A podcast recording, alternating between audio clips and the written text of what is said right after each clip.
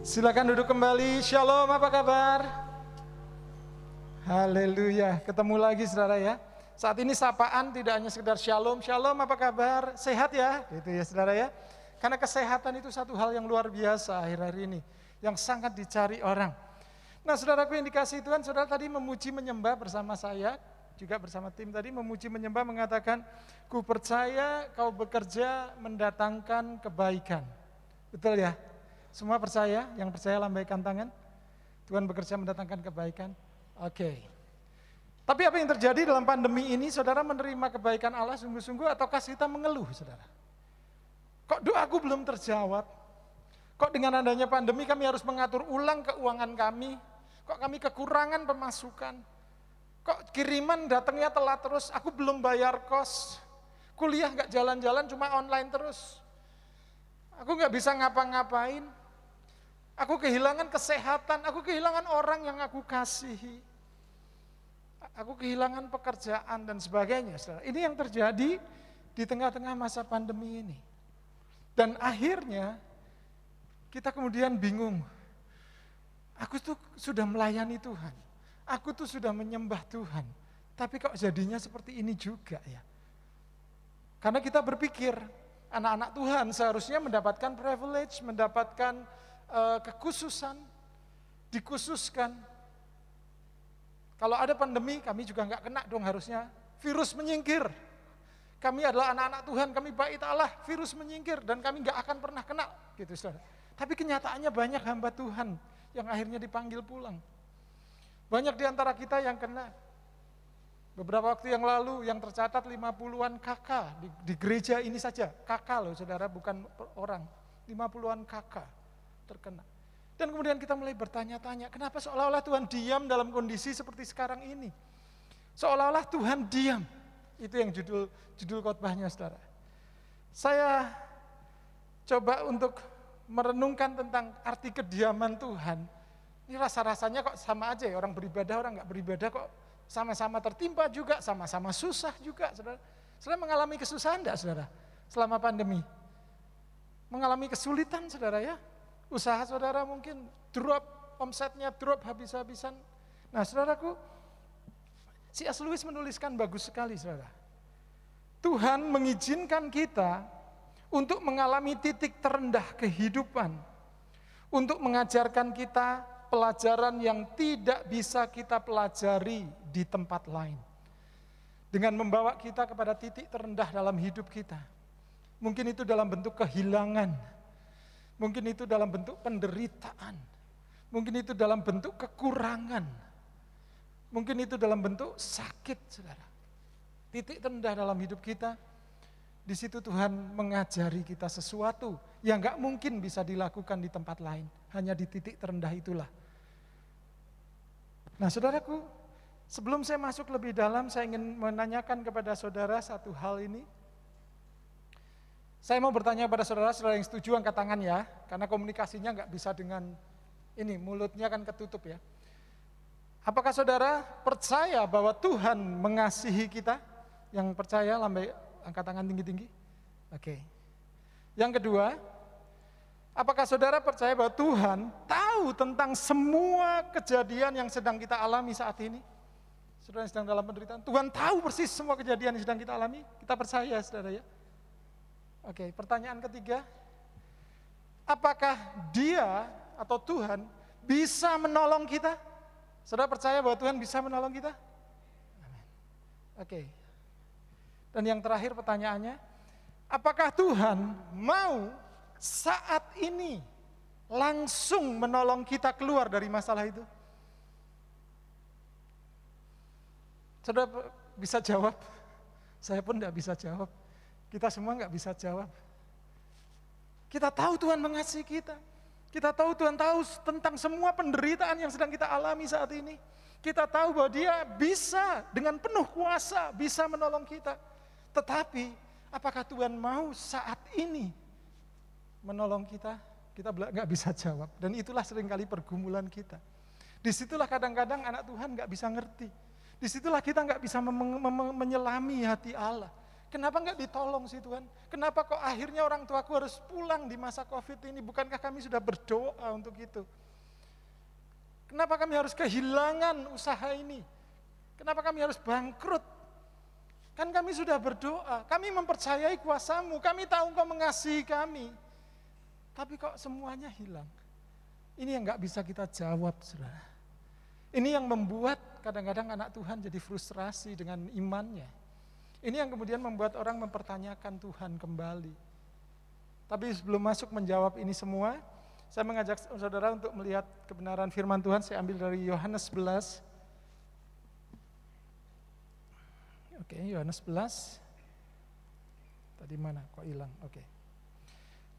Ada seorang yang sedang sakit, namanya Lazarus. Ia tinggal di Betania, kampung Maria dan adiknya Marta.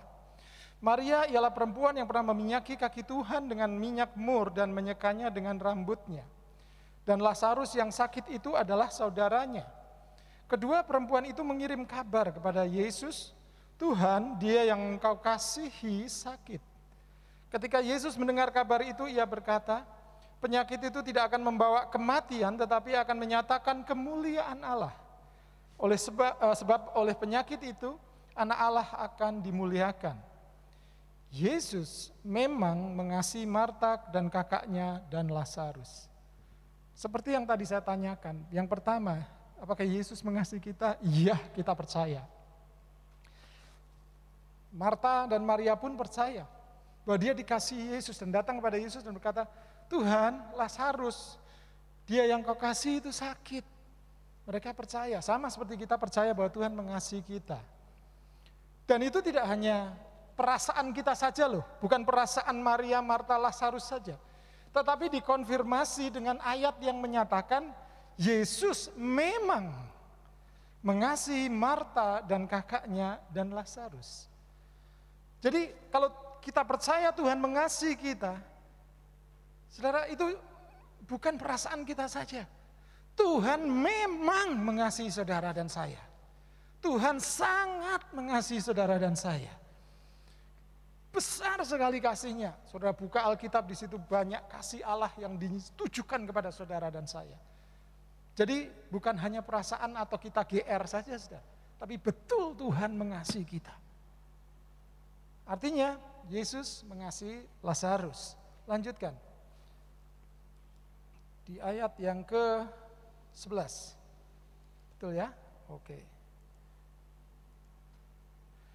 Demikianlah perkataannya, ini yang masih di uh, tadi Yohanes 11 ayat 11. Demikianlah perkataannya dan sesudah itu ia berkata kepada mereka, Lazarus saudara kita telah tertidur, tetapi aku pergi ke sana untuk membangunkan dia dari tidurnya.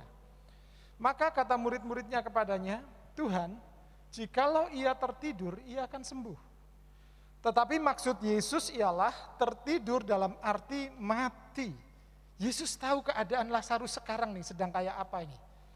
Sedangkan, sedangkan sangka mereka Yesus berkata tentang tertidur dalam arti biasa.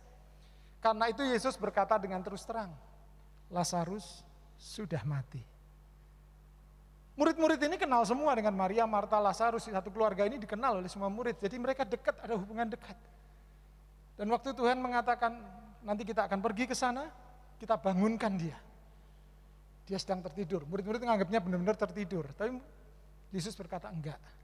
Kondisi yang sebenarnya, fakta yang kamu harus tahu, saat ini Lazarus sudah mati.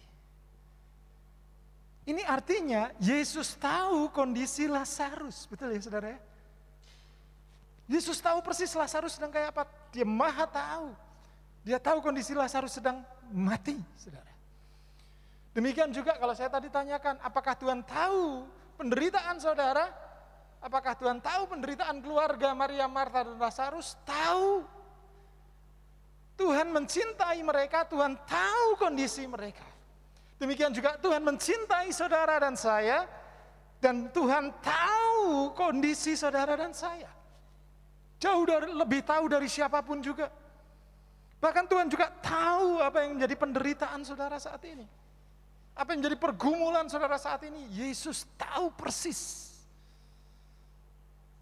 Ini membuktikan bahwa Yesus tahu kondisi Lazarus. Yang ketiga, maka kata Marta kepada Yesus ayat 21-nya, masih di Yohanes 11 terus ya. Maka kata Marta kepada Yesus, Tuhan, kiranya engkau ada di sini, saudaraku pasti tidak mati. Ini Marta yang ngomong. Marta percaya bahwa Tuhan sanggup menolong Lazarus. Yesus sanggup menolong Lazarus. Marta percaya kalau engkau tidak telat Tuhan, dia pasti nggak mati. Demikian juga Maria, ayat 32-nya. Setibanya Maria di tempat Yesus berada dan melihat dia, tersungkurlah ia di depan kakinya dan berkata kepadanya, Tuhan, sekiranya engkau ada di sini, saudaraku pasti tidak akan mati. Dua orang ini percaya bahwa Yesus bisa menolong. Dan itu bukan hanya kepercayaan mereka saja, bahkan Yesus mendeklarasikan dirinya, ayat 25-nya, jawab Yesus, akulah kebangkitan dan hidup, barang siapa percaya kepadaku, ia akan hidup walaupun ia sudah mati. Artinya Yesus sendiri menyatakan kesanggupannya bisa menolong. Dia punya kuasa untuk menolong. Dia sendiri adalah kehidupan itu sendiri. Dia bisa mengubah keadaan. Tapi pertanyaannya, Yesus sudah mencintai Lazarus, Tuhan tahu keadaan Lazarus, Tuhan sanggup menolong Lazarus, tapi maukah Yesus pada saat itu juga, pada sebelumnya, pada waktu diberitahu Lazarus sakit, menyembuhkan? Jawabannya kita tahu tidak kan? Bahkan dikatakan di ayat, 11, eh, pasal 11 ayat 6, pada saat dia mendengar kabar orang yang dicintainya sakit, sedang menderita. Namun setelah didengarnya bahwa Lazarus sakit, ia apa? Sengaja tinggal dua hari lagi di tempat di mana ia berada. Dia tidak langsung pergi nolong, saudara. Oh sakit ya, orang yang aku cintai sakit, pergi ditolong. Karena Yesus mencintai, Yesus tahu penderitaan, bisa merasakan penderitaan dan Yesus sanggup menolong. Maka dia lekas buru-buru menolong. Enggak ternyata. Ternyata enggak saudara. Dia sengaja tinggal dua hari lagi di tempat di mana dia berada saat itu. Bahkan kemudian tidak, tidak hanya menunda dua hari. Dua hari masih ada di tempat itu. Ini kabar sudah datang, yang ngasih kabar sudah balik. Dia masih di situ dua hari. Tapi kemudian ayat 17 dikatakan, maka ketika Yesus tiba, tiba di Betania, di dekat Yerusalem, di, di desanya uh, Lazarus, Yesus tiba di sana, didapatinya Lazarus telah berapa? Empat hari berbaring dalam kubur. Jadi cuman, bukan cuma menunda dua hari, tetapi perjalanan dari tempatnya berada sampai tiba di Betania tambah dua hari lagi. Empat hari dalam kubur. Saudara, sebenarnya kalau saudara lihat ada penundaan yang sengaja Yesus lakukan. Kenapa? Karena bagi orang Yahudi saya coba baca kenapa empat hari ada ada apa di balik itu gitu ya. Ada tafsiran begini saudara. Orang Yahudi itu percaya, orang Yahudi kuno terutama percaya bahwa kalau orang mati, jiwanya masih ada di sekitar jasadnya itu selama tiga hari. Dan setelah tiga hari nggak balik, jadi ada masih kemungkinan hidup katanya gitu. Tapi kalau tiga hari nggak balik, ya berarti udah betul-betul mati. Artinya betul-betul sudah nggak bisa balik hidup lagi. Jadi ini dalam posisi yang betul-betul mustahil untuk bisa bangkit lagi.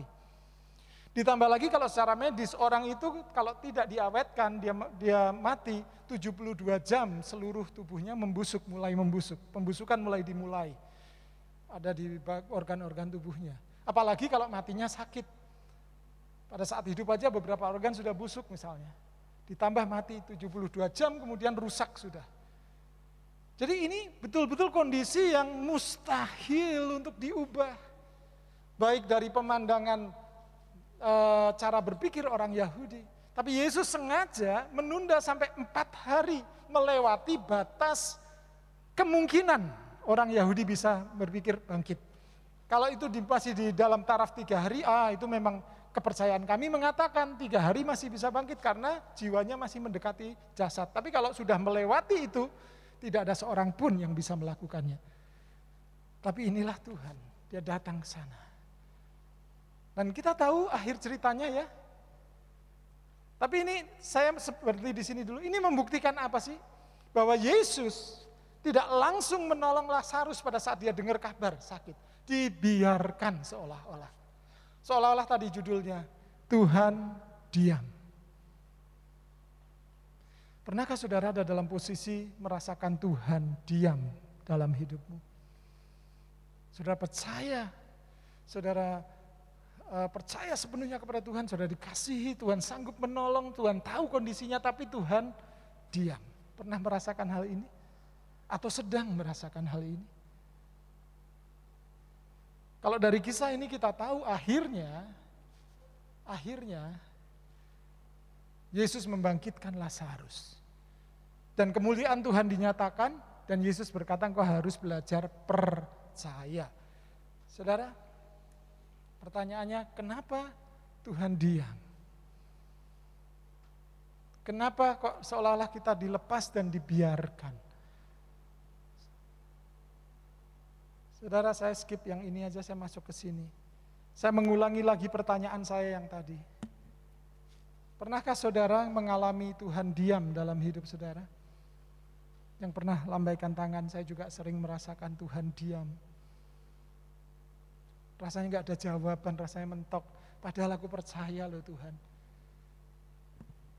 Pertanyaan saya balik lagi kembali yang tadi. Apakah saudara percaya Tuhan mengasihi saudara? Angkat tangan sekali lagi. Apakah Tuhan? Apakah saudara percaya Tuhan tahu tentang semua penderitaan yang saudara sedang rasakan hari ini? Sekali lagi, apakah dia bisa ada percaya bahwa Tuhan sanggup menolong saudara? Tapi pertanyaan hari ini ketika Tuhan dia, apakah Tuhan mau saat ini langsung menolong kita keluar dari situ? Ini yang menjadi pertanyaan kita. Dan sering kali kalau kita nggak tahu tentang hal ini, kita akan berkata nggak Tuhan-Tuhanan lagi. Iman kita luruh. Kepercayaan kita jadi luruh karena kita marah, karena kita kecewa kepada Tuhan. Dan saya mau mengajak di ujungnya adalah perenungan ini saudara. Andai saja Anda adalah seorang ayah atau seorang ibu lah ya, Andai Anda seorang ayah atau ibu, bayangkan ya saudara ya, saudara adalah seorang bapak yang cowok-cowok ini, atau seorang ibu dengan anak umur lima tahun, yang sedang sakit demam berdarah. Dokter mengatakan untuk mengecek anak ini, pertumbuhan penyakit anak ini atau dia lebih baik atau lebih buruk dan bagaimana penanganannya sehingga anak itu bisa sembuh, harus diadakan cek darah untuk diukur trombositnya. Beberapa kali harus dicek. Sebagai seorang ayah atau ibu yang baik, saudara akan melakukannya, bukan? Betul ya? Oke, saudara bawa anak itu ke laboratorium, anak umur lima tahun, anak Anda lima tahun. Bawa ke laboratorium mungkin hari pertama dia tanya, ini apa sih? Oh ini laboratorium, dia nunggu, terus masuk ke ruang dokter. Pada saat dia mulai bingung di ruang dokter, tahu-tahu tangannya dikasih tali karet dan dikencangkan. Dia udah mulai nggak enak nih perasaannya. Gak lama kemudian ada dokter yang mendekati dengan jarum yang besar untuk mengambil darahnya. Dan anak itu sudah mulai ketakutan sekali. Dan kemudian jarum itu langsung menancap di tangannya. Dan tentu ini menyakitkan sekali bagi anak dan anak itu nangis sekeras-kerasnya. Selesai hari itu. Berapa hari kemudian saudara harus ngecek ulang perkembangan trombosit. Hal yang sama dilakukan.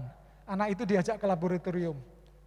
Hari pertama yang dulu mungkin mudah ngajak anak itu, hari kedua susah enggak saudara? Susah banget saudara. Dipaksa benar-benar sampai laboratorium. Anak itu berusaha keras untuk minta pulang pak, pulang mah, nggak mau, nggak mau, benar ya? Lima tahun loh saudara. Dia tahu sebentar lagi dia akan menghadapi masalah yang berat buat dia, penderitaan, sakit, tapi kemudian giliran dia masuk ke ruangan dokter, semakin rasanya dia panik, saudara. Ketakutan. Bahkan meronta-ronta dan terpaksa sang ayah harus pegang peluk dengan keras, pegangin saudara. Anak itu terus berteriak, lepasin papa, lepasin pulang, pulang, papa pulang. Sakit pulang dan sebagainya. Pertanyaan saya, sebagai seorang ayah atau seorang ibu, apakah Anda mengasihi anak Anda? Halo? Anda mengasihi ya? Pertanyaan kedua, apakah Anda tahu ketakutan dan penderitaan anak Anda? Tahu nggak sebagai seorang, tahu persis. Pertanyaan ketiga, Apakah Anda bisa menyelamatkan dia dari jarum suntik dan mengabulkannya eh, mengabulkan permintaannya untuk pulang? Bisa nggak sebagai orang tua? Bisa ya? Bisa. Saudara kalau mau ya udah nggak jadi coba pulang bisa. Tapi pertanyaan selanjutnya, cari ini kok agak. Pertanyaan terakhir, maukah Anda membawanya pulang? Ataukah Anda tetap malah Anda memegangi, mendekatkan ke dokter dan membiarkan dokter menyuntik? Anda memilih yang mana sebagai orang tua? Tetap ada di sana, tidak mengabulkan teriakan anak itu minta pulang.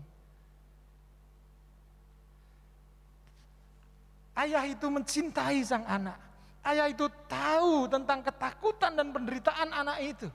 Ayah itu tahu dia sanggup, dia punya kuasa untuk membatalkan dan menyelamatkan anak itu dari ketakutan dan jarum suntik. Tetapi ayah itu tidak mau melakukan. Dan dia tetap membiarkan anaknya disuntik. Kenapa?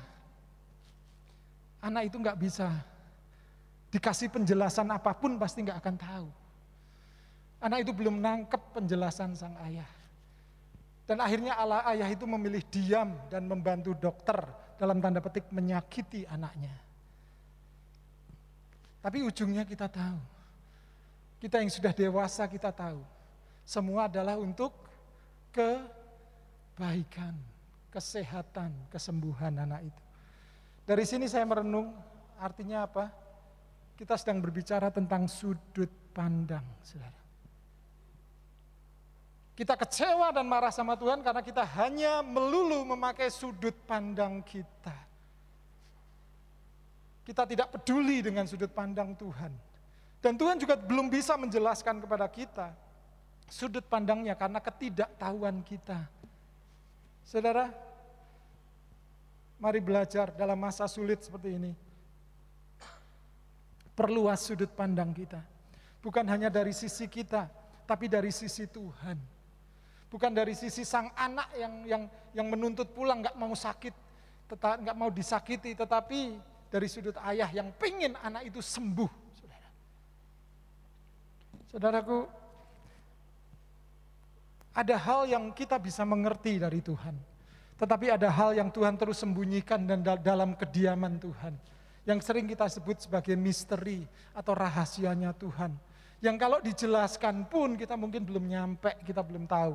Biarlah waktu yang nanti akan menjelaskan dan menjawabnya. Misteri Tuhan yang saudara sering alami dan saya sering alami harusnya justru paling sering membuat kita semakin jatuh cinta sama Tuhan. Anak itu mungkin setelah besar baru tahu, oh ini toh maksud bapakku. Aku semakin merespek, aku semakin mencintai bapakku. Setelah dia dewasa baru tahu itu. Nah, sekarang saya mau menyampaikan satu ayat ini untuk perenungan terakhir kita. Matius 1 ayat 23. Sesungguhnya anak darah itu akan mengandung dan melahirkan seorang anak laki-laki dan mereka akan menamakan dia Immanuel yang berarti Allah menyertai kita. Apa dalam pikiran saudara kalau ada kata-kata Allah menyertai kita? Seringkali jujur-jujurlah saudara ya, kalau kita berkata Allah menyertai kita berarti berkat, perlindungan, kesembuhan, kekayaan, keberhasilan, kesuksesan. Itu saja kan? Kita berkata, aku orang disertai Allah, isinya cuma itu saja. Enggak salah, benar saudara. Tetapi kita sering kali lupa bahwa penyertaan Tuhan itu juga berbicara tentang penderitaan, tentang salib, tentang kesakitan, tentang persoalan, tentang pergumulan, tentang kehilangan tentang kekurangan, saudara. Coba lihat Maria menerima kabar engkau, engkau akan mengandung dan engkau akan memiliki anak namanya Emmanuel Allah beserta. Harusnya kalau dalam pola pikir kita tadi yang sempit, yang hanya sisi baiknya saja, kita akan melihatnya Maria tidak perlu menghadapi tuduhan bersinah dan hampir saja dirajam. Maria tidak akan di, hampir saja dicerai oleh Yusuf. Orang terima Immanuel kok, terima penyertaan Tuhan kok malah yang dihadapi masalah. Kan nggak masuk akal. Tetapi kita harus perluas sekarang. Kata-kata Tuhan beserta kita. Itu bukan berarti untuk kepentingan kita saja. Untuk eh, senangnya kita saja. Seringkali saya memikirkan dulu bahwa Allah beserta kita, kita berjalan di depan, Tuhan ada di belakang kita menghalau semua masalah juga supaya hidup kita lancar dan mulus. Saudara. Tetapi di pandemi ini saya banyak merenungkan bahwa Tuhan beserta kita, artinya sebenarnya bukan itu. Harusnya Tuhan beserta kita, Tuhan yang berjalan di depan, kita yang ngikut. Supaya kita bisa beserta Tuhan terus, Tuhan belok kiri kita ikut kiri, Tuhan belok kanan kita ikut kanan, Tuhan berhenti kita berhenti, supaya kita beserta Tuhan terus. Mari kita belajar, di masa sulit kita belajar, untuk lebih dewasa dalam cara memandang, dalam cara memandang hati Tuhan. Bukan semuanya adalah untuk kepentingan kita, tetapi ini untuk kepentingan Tuhan. Semakin saudara bisa memahami ini, masa-masa sulit, masa-masa krisis membuat Anda semakin mencintai Tuhan, bukan menyalahkan Tuhan. Kedamaian bukanlah ketidakhadiran masalah. Kedamaian adalah kehadiran Allah. Tuhan memberkati kita semuanya.